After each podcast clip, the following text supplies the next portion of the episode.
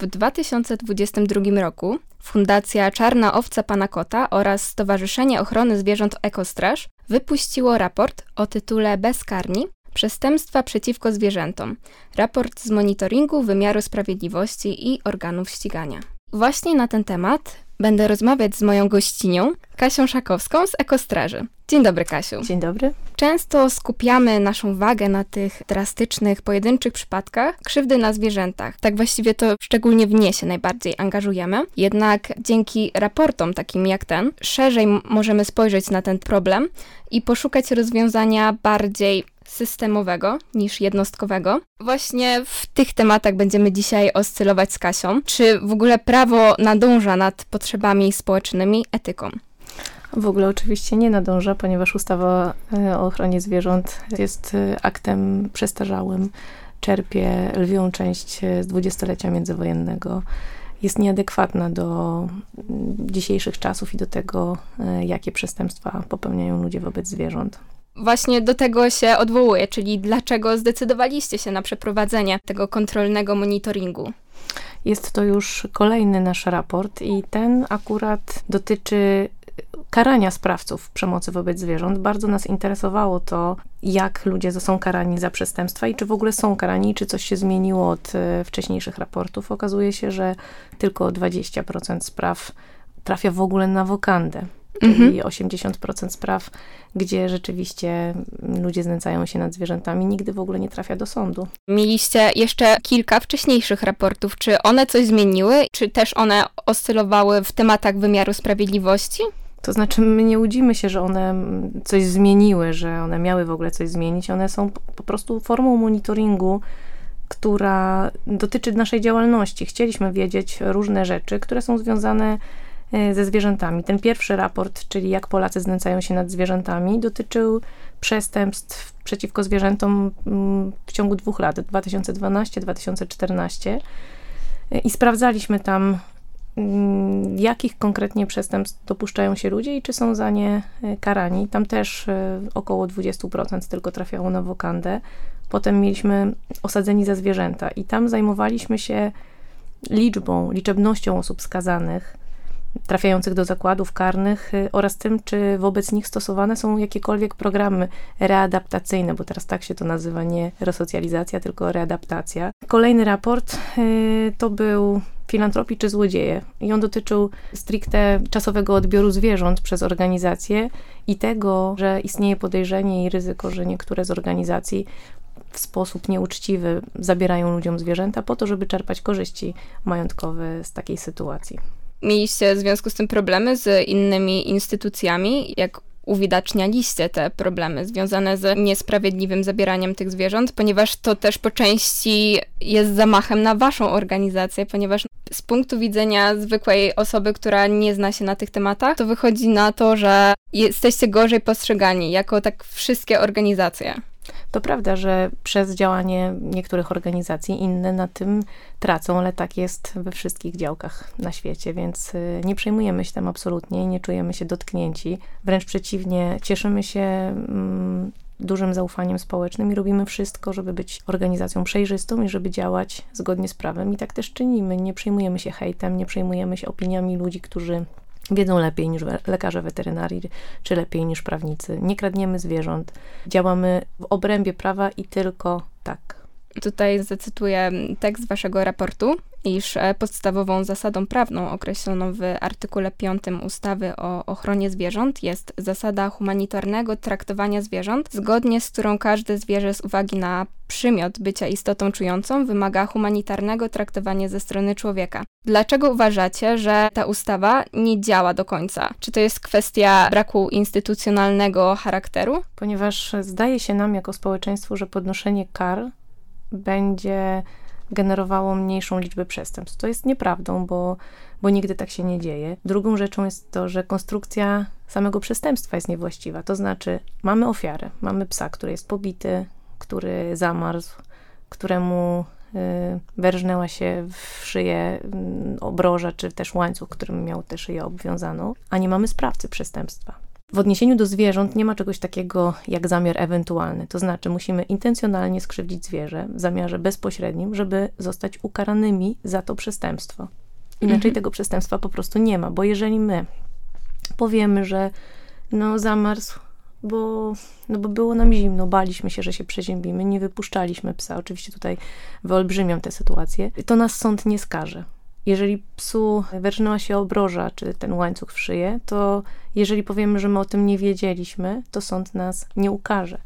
I tutaj, jeżeli zmieniłoby się prawo, zaistniałby zamiar ewentualny, czyli samo godzenie się na krzywdę zwierzęcia jako y, podstawa do ukarania sprawcy, no to wtedy sytuacja by się znacząco zmieniła. To znaczy, sprawcy nareszcie zaczęliby być odpowiednio karani, bo człowieka traktujemy jako podmiot podmiot prawny, tak? I wartość jego życia w kodeksie karnym jest y, najwyżej chronionym dobrem. I wy też postulujecie w tym raporcie, żeby również zwierzętom nadać ten status, tak? No bo jeżeli czytamy w ustawie, że zwierzę nie jest rzeczą, a za chwilę rzeczą się staje, no to to jest fikcja, więc albo traktujemy zwierzęta jako podmioty, albo jako przedmioty. Bo jeżeli wyobraźmy sobie sytuację, to niedawno całkiem pisaliśmy w magazynie Wrocław e, taki artykuł na temat właśnie naszego raportu. Wyobraźmy sobie, że jedziemy przez miasto i przekraczamy znacząco prędkość. Jedynie 50 na godzinę, a 90. Ja godzę się na to, że mogę kogoś potrącić. Wiem o tym, mhm. że mogę kogoś potrącić. I jeśli potrącę tę osobę, to zostanę ukarana. Natomiast w odniesieniu do zwierząt, nie ma takiego przepisu. Ja muszę intencjonalnie chcieć potrącić to zwierzę, żeby zostać ukaranym, ukaraną. To nie chodzi o taki sam status, tylko chodzi o to, żeby nadać mu rzeczywiście podmiotowość, żeby mhm. dobro jego mogło być chronione, no to musi stać się nie przedmiotem na pewno, a podmiotem. Również skupiacie się na problemie edukowania społeczeństwa, żeby rzeczywiście zwracać na to uwagę i uważacie, że to jest nawet ważniejsze niż karanie sprawców? To znaczy, karanie sprawców również nie jest adekwatne i to jest problemem, bo zamiast e, zabierać komuś wolność, zamykać go w więzieniu, mm, zajmować miejsce więzienia, można po prostu tę wolność ograniczyć, na przykład stosując e, nakaz prac społecznych i mogłyby to być prace w schroniskach, w takich azylach, e, jakimi dysponuje Ekostraż, czy inne organizacje, po to, żeby no, budować w sobie empatię, odpowiedzialność za zwierzęta, żeby widzieć, jak one potrafią cierpieć, jak odczuwają, prawda? Bo te osoby zazwyczaj nie mają możliwości oglądania tego na co dzień, nie interesują się tym i zadają cierpienie zwierzętom w sposób mechaniczny i nieświadomy najczęściej. Jeżeli już takie osoby są wysyłane na prace społeczne, to czy rzeczywiście są wysyłane do schronisk, czy to są jednak inne Różnie. miejsca? Róż, sądy różnie postanawiają, ale w Ekostraży również mieliśmy osoby, w tym młodociane, które zostały kierowane na takie prace i początki są bardzo trudne. Te osoby są zbuntowane, nie chcą brać udziału w żadnych pracach. Y, potem z czasem bywa, że otwierają im się lekko oczy i być może umysł, mamy nadzieję. Natomiast jeżeli chodzi o ten aspekt edukacji, z raportu bezpośrednio wynika, że sprawcami przestępstw wobec zwierząt nie są osoby młodociane. Te dopuszczają się kradzieży, rozbojów, ale nie przestępstw wobec zwierząt. W edukacji upatrujemy szansę na zmianę tego, że osoby po 40 roku życia, które żyją na wsiach, bo tak wynika z raportu, są najczęściej popełniającymi przestępstwa wobec zwierząt. Chcemy, żeby młode pokolenia, nowe pokolenia mogły wzrastać ze świadomością tego, jak należy te zwierzęta traktować. Podstawy programowe mówią o edukacji humanitarnej. Jej fizycznie w szkołach nie ma. My od 12 lat, odkąd mm, istnieje Ekostraż, oprócz programu humanitarnej ochrony jeży, który prowadzimy u siebie w ośrodku, prowadzimy programy edukacyjne dla dzieci, najmłodszych dzieci z przedszkoli, ze żłobków, dla dzieci i młodzieży ze szkół, a także dla dorosłych. Bardzo często prowadzimy prelekcje, wykłady, warsztaty przy różnych okazjach typu eventy czy jakieś plenerowe imprezy. I zgaduję, że jest dość duże zainteresowanie takimi tematami. Bardzo duże i bardzo y, mała świadomość na temat wielu rzeczy naprawdę związanych ze zwierzętami. Od mhm. tego, jak należy zachowywać się w stosunku do psa, a kończąc na tym, kiedy zabrać oseska z terenu Wcześniej wspomniałaś już o wsiach, ponieważ tam jest e, największy procent przestępczości wobec zwierząt i czym to jest spowodowane? No oczywiście na pewno mniejszą świadomością, ale z drugiej strony patrząc na to, że w miastach, poza tym, że jest więcej ludzi, są bardziej zurbanizowane, no to też jest łatwiej właśnie znaleźć takie przypadki, zweryfikować je, niż na wsiach, gdzie rzeczywiście gęstość zaludnienia jest zdecydowanie mała. Na wsiach jest przede wszystkim przyzwolenie na przemoc. Ono nie dotyczy tylko przyzwolenia na przemoc w stosunku do zwierząt, ale też takich, które występują w rodzinach. Przemoc domowa e, nikogo nie dziwi, nikogo nie razi. E, nie mów nikomu, co się dzieje w domu, nadal tam świetnie funkcjonuje. I oczywiście wiele osób, które dotychczas mieszkało w miastach, przenosi się na wieś. Często mogą się czuć urażone takimi stwierdzeniami, że ludzie na wsi krzywdzą zwierzęta, ale tak bezpośrednio wynika z raportów, a one pochodzą z 50% losowo wybranych prokuratur i sądów rejonowych w Polsce. Wspomniałaś już wcześniej o przekładaniu mm, znęcania się nad zwierzętami, a znęcaniu się nad ludźmi, nad e, członkami swojej rodziny. Samo znęcanie się nad zwierzętami jest jednym z pierwszych wskaźników potencjalnej przemocy w domu. W domu, na ulicy, tak, oczywiście. I naszym zdaniem sprawcy przemocy wobec zwierząt powinni być przede wszystkim karani, po drugie monitorowani, po to, aby w przyszłości nie dopuszczali się przestępstw przeciwko ludziom. Bardzo często sprawcy przemocy y, wobec zwierząt zaczynają swą karierę właśnie od tego, że krzywdzą zwierzęta, jakieś koty bezpańskie, psy, którymi nikt się nie zajmuje, a potem przechodzą do krzywdzenia ludzi i no, zazwyczaj tak to wygląda. Wynikło z waszego raportu, że przestępstwa przeciwko zwierzętom są najczęściej popełniane na zwierzętach domowych. Jednak wspominacie o pewnej, że tak to nazwę, szarej strefie, która jest związana z przemocą u zwierząt gospodarskich zwierzęta gospodarskie u poszczególnych gospodarzy e, w miejscach, gdzie żyje ich kilkadziesiąt, kilkaset powiedzmy, one są jeszcze nawet do wykrycia. To znaczy te gospodarstwa nie są e, ukrywane, ludzie mogą to zobaczyć jeżeli są empatyczni, to też mogą zgłosić takie przypadki, co też robią, bo jeździmy również do zwierząt gospodarskich, ale sytuacja ma się odmiennie, jeżeli chodzi o duże fermy przemysłowe. Tam tereny są ogrodzone, wszystko jest pozamykane, bardzo trudno się tam dostać, a przemoc istnieje, no nie oszukujmy się. Personel, który jest zatrudniany, zazwyczaj są to osoby bardzo proste, niewyedukowane, mało empatyczne, takie, którym y, krzywda zwierząt, ich zabijanie, y, których to nie wzrusza w ogóle w żaden sposób i w raporcie jest opisana sprawa na fermie przemysłowej, dotyczy traktowania świń, trzody chlebnej. Mm -hmm. I tam suchymi faktami, bez żadnych tam emocjonalnych wstawek, suchymi faktami czynności, które, których dokonywali ludzie krzywdzący te zwierzęta, są opisane na czterech stronach A4. Czyli ciągną za uszy przyczepionym zwierzę drutem i tak dalej, po podłodze ileś tam metrów. Dalej znowu biłki takim i takim. I tego jest cztery strony A4. Mhm. Sprawcy nie zostali ukarani, ponieważ nie można było personalnie odnaleźć tych sprawców. Pracownicy byli na różnych zmianach, nie było monitoringu, szefostwu trudno było ustalić, kto dopuścił się tych czynów e, i sąd zezwolił tylko na podanie do wiadomości publicznej nazwy tej firmy, natomiast sprawcy jako jednostki nie zostali ukarani za swoje mhm. czyny. Czyli niby sam wizerunek tej firmy stał się gorzej postrzegany, no ale Ustawy w Polsce co z są, tego? Są ustawami resortowymi. E, nad ustawą o ochronie zwierząt. O niej decyduje resort rolnictwa. Nie zależy tam nikomu na tym, żeby los zwierząt na fermach futrzarskich uległ poprawie. Nie zależy im na dobrostanie zwierząt na pewno jako takim a na zyskach swoich, e, na zyskach przedsiębiorców, którzy na wielką skalę hodują zwierzęta. Więc tutaj, jeżeli chodzi o ustawę i o to, żeby naprawdę zebrali się fachowcy w swojej dziedzinie i napisali ją od nowa. Mm, no właśnie, Ministerstwo Rolnictwa jedynie ogranicza się do finansowania instytucji weterynaryjnych. No to wszystko tak właściwie. A co na to prokuratura?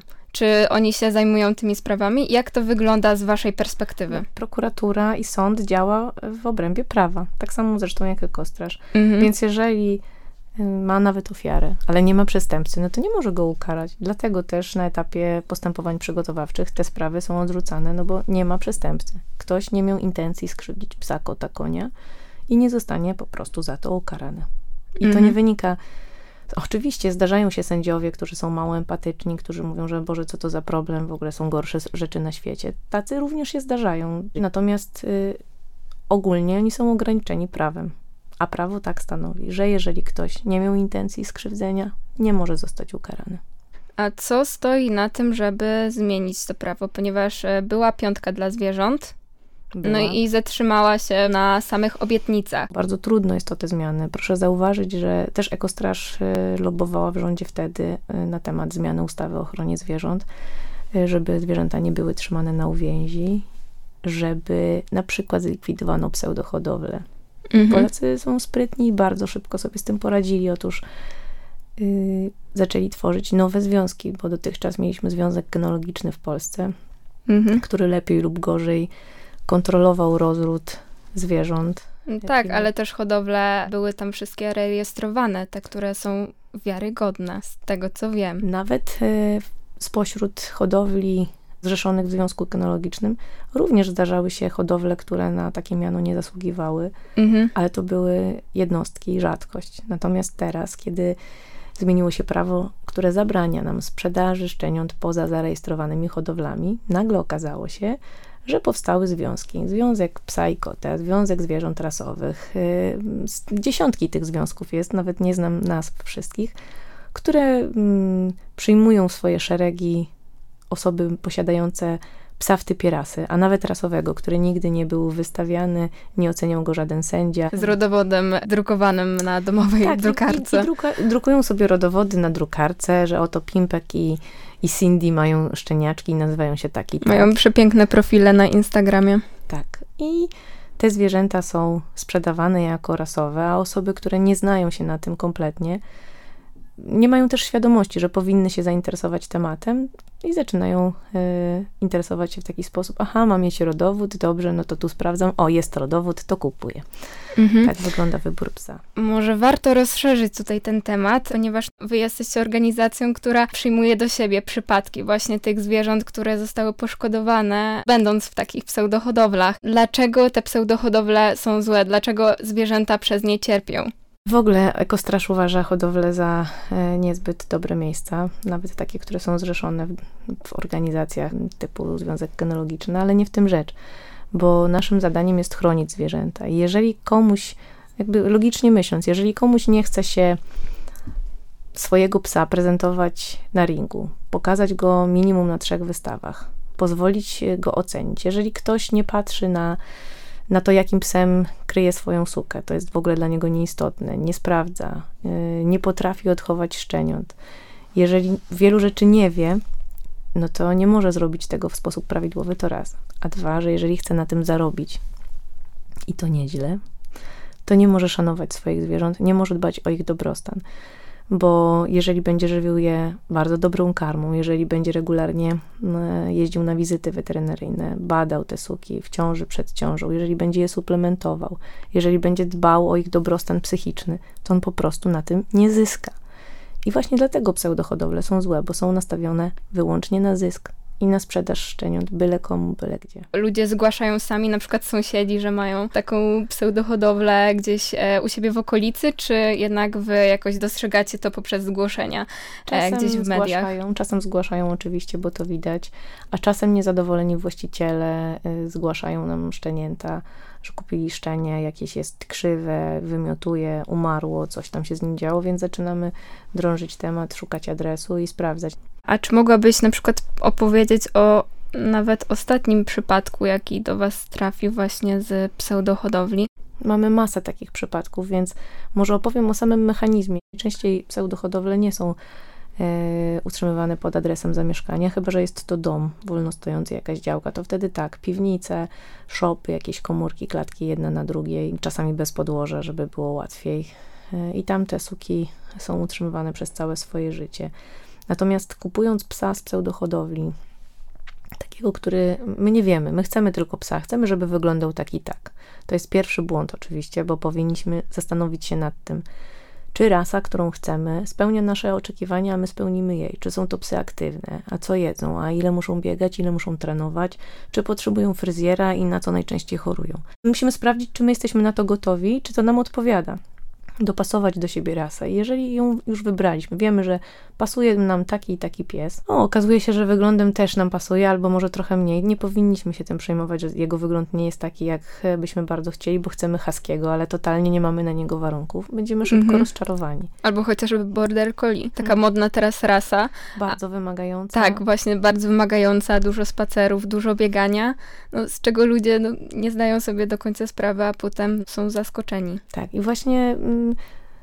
To jest pierwsza rzecz, że hodowca, dobry hodowca, będzie rozmawiał z przyszłym właścicielem po to, żeby go uświadomić. Te rozmowy są często takie kontrolujące, ci ludzie czują, mówią, że czują się jak na przesłuchaniach i bardzo dobrze, bo muszą być przesłuchani i muszą sobie uświadomić, że na przykład nie mają warunków albo możliwości, żeby takiego psa mhm. tej rasy posiadać.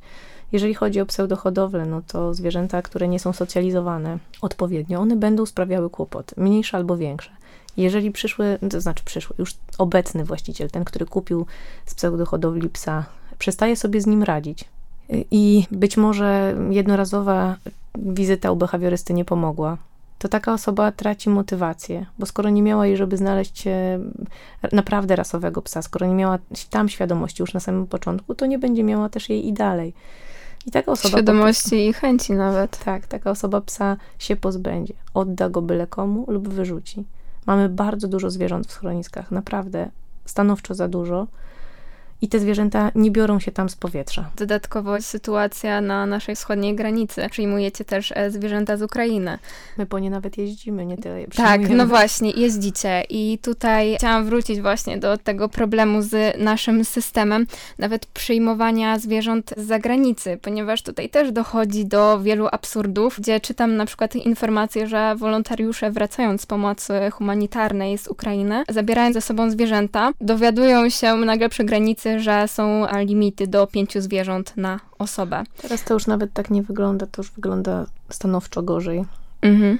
Teraz należy mieć e, specjalny paszport e, wydany przez urzędowego lekarza weterynarii, coś na kształt naszego powiatowego lekarza weterynarii, czyli nie wystarczy weterynarz e, byle jaki, w sensie w miejscu zamieszkania. Nie każdy ma do tego uprawnienia. Są wyznaczeni lekarze, którzy takie paszporty wystawią. Mhm. I tym, każde zwierzę musi mieć taki no, Oczywiście. Paszport. I musi być też miareczkowanie na wściekliznę badanie, na którego wynik czeka się tam kilkanaście dni często. Mhm. Ale to jest też absurd, ponieważ dosłownie każde zwierzę, które przyjedzie z zagranicy, e, nieistotne czy z Ukrainy, czy z Niemiec, musi przejść kwarantannę. Jest to tylko teoria, ponieważ oczywiście w ekostraży zwierzęta przechodzą kwarantanny i na samym początku wojny, kiedy wyruszyliśmy y, po zwierzaki i ludzi z Ukrainy, ja też w tych pierwszych transportach y, brałam udział, jeździłam po psy i koty, to wszystkie te zwierzęta trafiły do nas na kwarantannę, bo dla nas było to logiczne, że musimy zachować wszelką ostrożność. E, przyjechał do nas niezapowiedzianie powiatowy lekarz weterynarii. Wydał nam takie zaświadczenie, że wzorowo e, się zachowaliśmy, że zwierzęta rzeczywiście są izolowane od reszty, że wolontariusze są szczepieni na wściekliznę i że nie stykają się też z polskimi zwierzętami, ci dedykowani do zwierząt ukraińskich. Więc y, dostaliśmy takie zielone światło na działanie. Wystawiono nam papiery, że jesteśmy godni zaufania w przewozie tych zwierząt i w utrzymywaniu ich dalszym, więc było nam trochę łatwiej. Jeśli nie fizycznie, to chociaż mentalnie. No i sprawa się skomplikowała znowu po zmianie przepisów teraz, y, że zwierzęta muszą mieć dodatkowe badania, muszą być chipowane oczywiście na granicy, więc to wszystko jest utrudnieniem. Mm, a dlaczego zostały zmienione te przepisy? Z różnych powodów i te powody mogą być dla nas e, znane albo nieznane. Zdarzało się, e, że osoby przewoziły, prywatne osoby przewoziły zwierzęta z Ukrainy i nie zachowywały na przykład kwarantanny a to stwarza potencjalne niebezpieczeństwo dla naszych zwierząt i dla ludzi mieszkających na terenie Polski. Tak, oczywiście, ale z drugiej strony jednak chyba powinno się zrobić pewne rozróżnienie, e, czy to organizacja bierze te zwierzęta, no i jest za nie w 100% odpowiedzialna, a właśnie pojedyncza osoba prywatna. Celnik na granicy nie ma gwarancji tego, coś stanie mhm. się zwierzę, ze zwierzęciem, które zostanie wywiezione. Czy ja ze swojego transportu nie oddam psa czy kota prywatnej osobie, czy ona dochowa mm, wszelkiej staranności, żeby nie rozprzestrzeniać chorób zakaźnych. Nie trafiło nam się żadne zwierzę, które zachorowało na wściekliznę. Nie było takiego przypadku, ale no, zrozumiałe jest, że lepiej chuchać na zimne, kiedy mhm. w Ukrainie były przypadki wścieklizny. To, to jest zupełnie inny kraj, z inną tradycją, z innym postępowaniem wobec zwierząt. Trochę y, brakuje jeszcze mu do Polski. Tam zwierzęta też nie są masowo szczepione na wściekliznę. W mhm. tym rzecz, że, że istnieją tam przypadki zachorowań na nią. Mhm. A tutaj nie. Tak, jasne, rozumiem, e, ale z drugiej strony też wrócę do mojego przykładu z wolontariuszami, którzy w tym przypadku przywozili koty z Ukrainy, właśnie po prostu brali je z ulicy, a później oczywiście one trafiały do organizacji i na granicy powyżej pięciu kotów na osobę e, było traktowanych jako towar. Wolontariusze musieli deklarować wartość towaru no, każdego z tych kotów. To powinni się bardzo cieszyć, że nie robiono im w ogóle problemów z przewozem, bo My w swoich transportach mieliśmy takie sytuacje, że e, mieliśmy zakaz przewozu tych zwierząt w ogóle, więc musieliśmy obmyślić, jak to zrobić, żeby je przewieźć e, legalnie ale zgodnie z wytycznymi e, celników po prostu, więc to były bardzo trudne sytuacje i tak jak na początku prowadziliśmy akcję ewakuacyjną dla zwierząt, ale też dla ludzi, bo przywoziliśmy tutaj też e, ludzi do Polski. Tak teraz świadczymy po prostu pomoc biednym, rannym, poszkodowanym zwierzętom e, i obrywa nam się mocno za to. Jesteśmy hejtowani na naszych social mediach. Oczywiście pomagamy polskim zwierzętom na bieżąco, ale nie wyobrażamy sobie sytuacji, w której Ukraińcy dzwonią do nas, proszą, płaczą o pomoc, a my tej pomocy nie chcemy udzielić. Kiedy mamy możliwość, kiedy organizujemy y, transporty i będziemy nadal to robić po prostu. Jeżeli w zbiórce nie uzbiera się wystarczająca kwota na transport, to tak jak ostatnio, osoba, która jechała, pokryła ten transport z własnej kieszeni. I tak często bywa niestety. Natomiast te zwierzaki potrzebują pomocy i my tej pomocy odmawiać nie chcemy i nie będziemy. Póki możemy, będziemy te zwierzęta stamtąd wyciągać. Ludzie, którzy są na miejscu z tymi zwierzętami do czasu naszego przyjazdu, są cudowni, naprawdę empatyczni, niesamowici ludzie, ale nie mają możliwości leczenia tych zwierząt. Nic nie działa, weterynarze mm -hmm. nie przyjmują, przychodnie dla zwierząt są pozamykane, nie ma nawet rentgena, więc y, o czym tu mówimy, kiedy zwierzę ma zmiażdżoną miednicę na przykład ono musi uzyskać pomoc i ta pomoc może być udzielona w Polsce właśnie. Więc mhm. te zwierzęta przyjmujemy regularnie i teraz y, znowu kilkanaście zwierząt do nas wjechało. Polacy raz, że znudzili się już wojną i tym tematem, już im bardzo spowszedniał. Dwa, że y, no, często widzimy to wrogie nastawienie do Ukraińców. Nie wolno oceniać postępowania ludzi, którzy których życie jest zagrożone. Ktoś powiesił psa w reklamówce na gałęzi, być może ratując mu tym życiem, życie, bo było bardzo zimno. Zwierzę na, na powierzchni mogłoby po prostu zamarznąć. Y, zostało znalezione, odłowione przez aktywistów i przekazane jako straży. Właśnie te zwierzęta żyją blisko granicy z Rosją. Tereny są opuszczone, nikt się tymi zwierzętami nie zajmuje bezpośrednio i tylko aktywiści starają się jeździć i szukać e, tych e, pozostawionych samymi sobie e, zwierząt. Potem mhm. zgłaszają je fundacjom takim jak Ekostraż, ale też oczywiście innym w Polsce. No i starają się je przekazać tutaj do nas. I apelujemy do ludzi o to, żeby nie zamykali swoich głów, swoich portfeli, ani swoich serc na cierpienie zwierząt. To ani nie jest ich wina, ani nie miały tutaj nic do powiedzenia, gdzie się rodzą, czy będą bezpieczne. Musimy im po prostu pomóc. Przede wszystkim zwracając na to, że te działania rzeczywiście są efektywne i życia tych zwierząt są ratowane. Jednak wróćmy e, do samego raportu i porozmawiajmy jeszcze trochę o dynamice przestępczości wobec zwierząt. Czy jest tendencja wzrostowa, no. spadkowa, czy może ciężko to określić? Myślę, że po zmianie przepisów, po podniesieniu kar za znęcanie się nad zwierzętami, można było sądzić, i tak wiele osób sądziło, że przestępczość spadnie. Nic takiego się nie zdarzyło, ani też więcej osób nie zostało skazanych właśnie z tego powodu, o którym mówiłyśmy na początku, czyli po prostu nie ma sprawcy przestępstwa. Mhm. Więc ci ludzie skazywani nie będą. No właśnie, a jakie są kary, jeżeli już ta osoba zostanie skazana? Jaką zazwyczaj karę dostanie? Rzadko sąd ogranicza wolność, niestety. Jeżeli pozbawia wolności, to zazwyczaj robi to w zawieszeniu na czas próby, jest kara na przykład 8 miesięcy, 6 miesięcy, roku nawet, w zawieszeniu na tam rok, pół roku, dwa lata. Mhm. Czasami y, orzeka też sąd o tym, że sprawca nie może posiadać zwierząt przez 5-10 lat na przykład. No i zazwyczaj y, orzeka też 1000 zł grzywny. Nie wiem skąd ten tysiąc, ale takie, takie nawiązki zazwyczaj. W raporcie było, że pomiędzy 500 a 1000 zł nawiązki. Tak, a może y, nałożyć tej nawiązki bardzo, bardzo dużo. Sąd może zasądzić nawiązkę do 100 tysięcy złotych na wskazany cel związany z ochroną zwierząt. A ogranicza się jednak do tysiąca. Tak, więc jeżeli y, kary byłyby bardziej dotkliwe, jeżeli już sprawca zostanie ukarany, no to wtedy miałoby to jakiś sens. Jeżeli byłaby readaptacja, wtedy ma to jakiś sens. Mhm. Samo ograniczenie, wolno, samo y, pozbawienie wolności i to w dodatku w zawieszeniu plus tysiąc złotych nawiązki, to nie jest żadna kara, nie oszukujmy się. Jeżeli już sprawca zapłaci tą grzywną, to idzie ona na cele charytatywne związane z ochroną zwierząt? Nie musi z ochroną zwierząt, ale mhm. idzie na cele charytatywne zazwyczaj. Zastanawia mnie to zawsze, jak e, widzę wszystkie zbiórki, które dotyczą pomocy, uratowania w ogóle życia zwierzęciu, które zostało czy to maltretowane, czy to mm, skrajnie zaniedbane. Można znaleźć w internecie wiele zbiórek właśnie z tym problemem. Dlaczego sprawca za to nie płaci, jeżeli już jest zweryfikowany? Jak to działa prawnie? No nie płaci, bardzo często nie płaci. Nie wiemy dlaczego. Sąd tak stwierdza, że mm, sprawca płacić nie musi, tylko skarb państwa pokryje koszt. Wy organizacja próbujecie jakoś wpłynąć na ustawodawstwo, tak. ogłaszacie petycje, zbieracie podpisy pod ustawami. Nasza praktyczna działalność to są te raporty. Te raporty trafiają do Sejmu zawsze.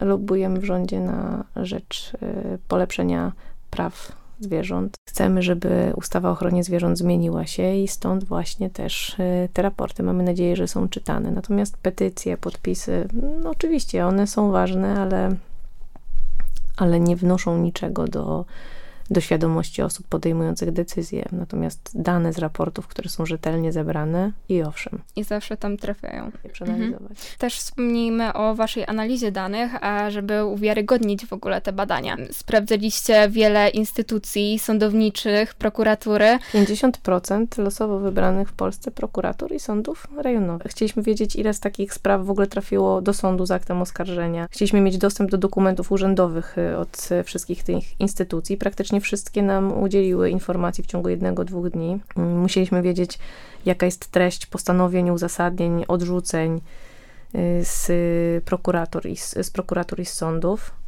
I dopiero na tej podstawie mogliśmy analizować dane, to znaczy sprawdzić, kto jest sprawcą, jakiej jest płci, ile ma lat, za co, co sąd zasądził, mm, czy odrzucił i dlaczego odrzucił. Nie? I wnioski, jakie tutaj są zawarte, właśnie wynikają bezpośrednio z tych analiz. Pierwszy punkt w waszym podsumowaniu wyników monitoringu nazywacie zmarnowanymi szansami. Od 1997 roku, e, kiedy zostały ustawione w ogóle w kodeksie e, kwestie związane z ochroną zwierząt, już no, minęło 25 lat i nic się szczególnie nie zmieniło. Mieliśmy wiele możliwości do tego, żeby zmienić prawo na lepsze, takie, które będzie chroniło zwierzęta. Niestety z tych możliwości nie skorzystaliśmy, choćby zblokowana piątka dla zwierząt, ale też wcześniejsze sytuacje, które mogły zwierzęta chronić w sposób systemowy, a tego nie robią. Co my możemy robić, e, żeby przekonać polityków, no i ogólnie no, całe społeczeństwo, nas wszystkich, e, osoby, które nie są świadome, że no, problem jest naprawdę dostrzegalny, szeroki, dostrzegamy ten brak efektywności przepisów. No właśnie to jest zadziwiające, że społecznie jesteśmy gotowi na zmiany. Jesteśmy bardzo gotowi na te zmiany. Nie akceptujemy wielu sytuacji, które dzieją się zwierzętom, a prawo na tym, za tym nie nadąża.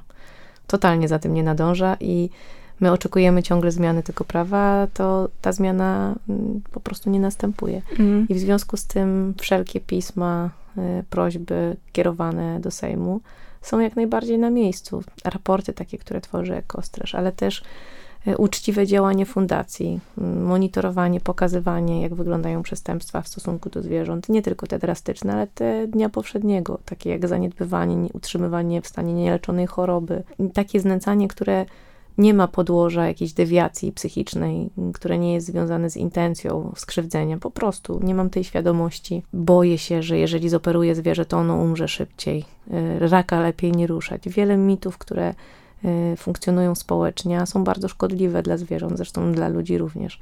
Myślę, że tutaj edukacja od najmłodszych lat ma ogromne znaczenie. Zresztą o tym też piszemy w naszym raporcie. Mhm. Masz tutaj nawet e, gościa związanego z po części tego typu edukacją. A tak, właśnie to jest y, młody pies, y, stosunkowo młody i nowy w dodatku, y, który chodzi na prelekcje, tak, do dzieciaków w szkołach, w przedszkolach.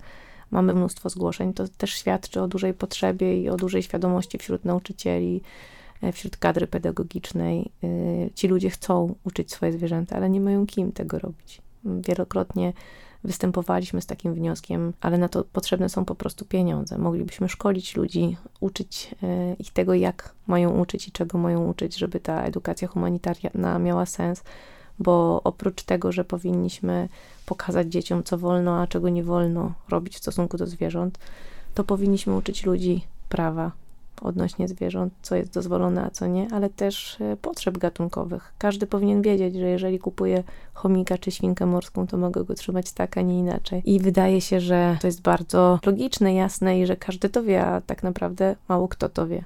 Poza samym uświadamianiem, przydałoby się stanowisko rzecznika praw zwierząt? Na pewno, na pewno takie stanowisko by się przydało. I y, są takie pomysły, żeby ono było, ale nawet pięciu rzeczników nie pomoże, jeżeli prawo się nie zmieni. Rzecznik mógłby się przydać do zmiany prawa. I owszem, żeby bardziej, y, bliżej rządu móc być i żeby w sposób systemowy i systematyczny przede wszystkim lobować na rzecz zmiany tego prawa. Mhm. I egzekwować to prawo. Czy widzicie może jakieś światełko w tunelu, które może zmienić tą sytuację? Poza takimi waszymi raportami, które uświadamiają nas o skali problemu. Tak, widzimy to, widzimy to wśród młodych ludzi, wśród dzieci. Często to najmłodsze osoby żyjące w naszym społeczeństwie uświadamiają dorosłych. Mm, przychodząc z zajęć e, o humanitarnym traktowaniu zwierząt, uczą swoje, swoich rodziców mówią im o tym, że tego nie wolno robić, kiedy rodzic wykazuje jakieś negatywne zachowanie w stosunku do ich psa, kota. I mówią, ale tak nie wolno. I mówią, dlaczego tak nie wolno. I dają pierwszy taki pstryczek, pierwszy taki impuls do tego, żeby dorosła osoba zastanowiła się chociaż chwilę nad tym, co robi. Regularnie y, składamy raport, regularnie jeździmy do Sejmu y, na posiedzenia, y, rozmawiamy z posłami. Chcemy to robić nadal, ale no póki co możemy działać na swoim podwórku tylko i staramy się to robić. Edukujemy nie tylko w szkołach i w miejscach, gdzie są dzieci czy dorośli, ale też staramy się puszczać ten przekaz y, na przykład y, przez prasę, organizując audycje w radiach różnych, tak jak teraz y, prowadzimy wywiad. Wrzucamy plansze na, do pojazdów MPK na ich y, wyświetlacze. Mhm. Regularnie też współpracujemy z magazynami, na przykład z Wrocławiem. Mamy bardzo wiele adopcji kotów y, poprzez ten magazyn, przez ich stronę internetową. Co tydzień zamieszczamy tam nowe zwierzaki, i okazuje się, że one znajdują dom, właśnie znajdują dom poprzez osoby, które czytają ten magazyn. Mhm. E, oraz organizujecie dni otwarte w Ekostraży co jakiś czas. Już regularnie to robimy. Mhm. Mamy bardzo dużo zwierząt, które e, musimy, brzydko mówiąc, wypchnąć do nowych domów, a łatwiej jest nam poznać osobę na żywo, nie przez zgłoszenie, bo zgłoszenia, które do nas trafiają, przede wszystkim trzeba zweryfikować i tak spotkać się z tą osobą, porozmawiać z nią przez telefon, umówić się. Poza tym te osoby nie zawsze są zdecydowane, nie zawsze wiedzą, że chcą adoptować, a kiedy dowiadują się od nich otwartych, mówią, a dobrze, to ja pójdę, zobaczę, co tam jest. Mhm. Zaczynają z nami rozmawiać. Po kilkunastu latach pracy z ludźmi, którzy chcą adoptować zwierzęta, naprawdę bardzo łatwo jest y, poznać kogoś, kto będzie dobrym właścicielem teoretycznie, y, a kogoś, kto się zupełnie nie nadaje. Więc y, po pierwszym takim wstępnym odsiewie rozmawiamy z ludźmi rzeczywiście zainteresowanymi i po tych dniach otwartych y, bardzo szybko są organizowane spotkania, wizyty przedadopcyjne. Sprawdzamy, czy rzeczywiście dobrze nam się zdaje, dobrze widzimy i te zwierzęta znajdują rzeczywiście nowe domy. Mhm. A my możemy przywozić kolejne z interwencji. Ten raport e, składa się głównie z danych statystycznych, które są świetnym argumentem, dowodem na stawiane tutaj e, tezy w naszej tak, dyskusji. To nie są już jakieś emocjonalne wypowiedzi.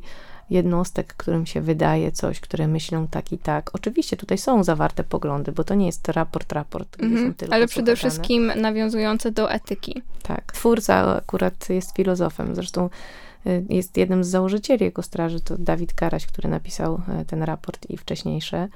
E, Jest biologiem, filozofem i prawnikiem. Także mm, jest osobą, która ma taki szeroki ogląd na wiele tych spraw dotyczących e, zwierząt. I bardzo się cieszymy, że nadal mu się chce te raporty tworzyć.